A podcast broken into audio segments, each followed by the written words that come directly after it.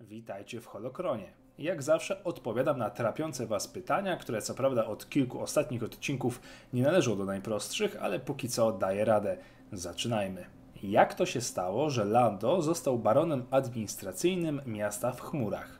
Jeżeli oglądaliście ostatni odcinek poświęcony właśnie mieście w chmurach, wiecie, że był to dochodowy biznes. Lando był podobnie jak Han lekko uzależniony od hazardu, szczególnie od gry w sabaka.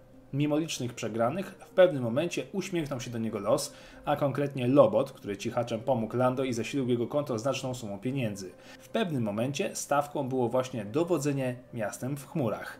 Lando wygrał i tym samym stał się baronem. Dosłownie wygrał w karty miasto w chmurach. Pozazdrościć. Czy Vader spotkał się kiedykolwiek z R2D2, gdy stał się Mrocznym Lordem? Gdy Vader był już po swojej transformacji, dosłownie kilka razy niemalże spotkał się ze swoim dawnym towarzyszem, jednak ani kanon, ani legendy nie podają żadnego przykładu bezpośredniej interakcji. Na Tantive 4 R2 umyka Vaderowi w ostatniej chwili. Na Gwieździe Śmierci są obecni jednocześnie, ale się nie spotykają. Na Hoth znów Artu ucieka. Przez chwilę są obecni razem na Bezpinek, wciąż bez konkretnego dialogu. Na Endor także nie dochodzi do spotkania. W komiksach sytuacja wygląda podobnie. Zawsze znajdują się dosłownie kilka albo kilkanaście metrów od siebie, ale jakieś wydarzenie nie pozwala im na dłuższą pogawędkę.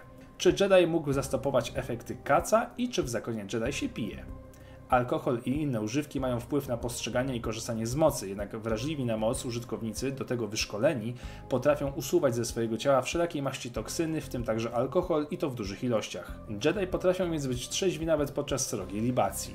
Nawet Obi-Wan w filmie pozwolił sobie na małego drinka. Kto zbudował pierwszy holokron? Nie ma dokładnych informacji na ten temat, ale najpewniej był to król Adas, swojego czasu władca na Korriban.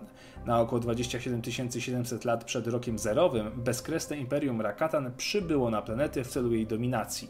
Król Adas powstrzymał najeźdźcę, jednocześnie zdobywając wiedzę o technologii tworzenia holokronów. Tak więc oryginalne holokrony pochodzą od Rakatan, a pierwszym holokronem w naszym rozumowaniu był stworzony przez Sifa. Holokrony Jedi powstały dopiero 3000 lat później. Dlaczego niektóre miecze świetlne brzmią inaczej? To prawda, jeśli porównać dźwięki mieczy świetlnych z poszczególnych filmów, szczególnie między powrotem Jedi a przebudzeniem mocy, dźwięk nie jest może wyjątkowo inny, ale wyraźnie odbiega od dźwięków, do których przyzwyczaiła nas stara trylogia. Oficjalnie nie ma na to odpowiedzi, ale jak znam fandom, do czasu. Niektórzy wskazują na fakt, iż miecz np. Luka Skywalkera miał syntetyczny kryształ kyber, jednak kanon w tym temacie po prostu milczy. Dźwięk jest nieco inny i to tyle w tym temacie, ale pewnie niebawem pojawią się informacje na ten temat. Dzięki za oglądanie, zadawajcie kolejne pytania i lajkujcie te najciekawsze czy najdziwniejsze. Zostawcie suba i oczywiście niech moc pytań będzie z Wami.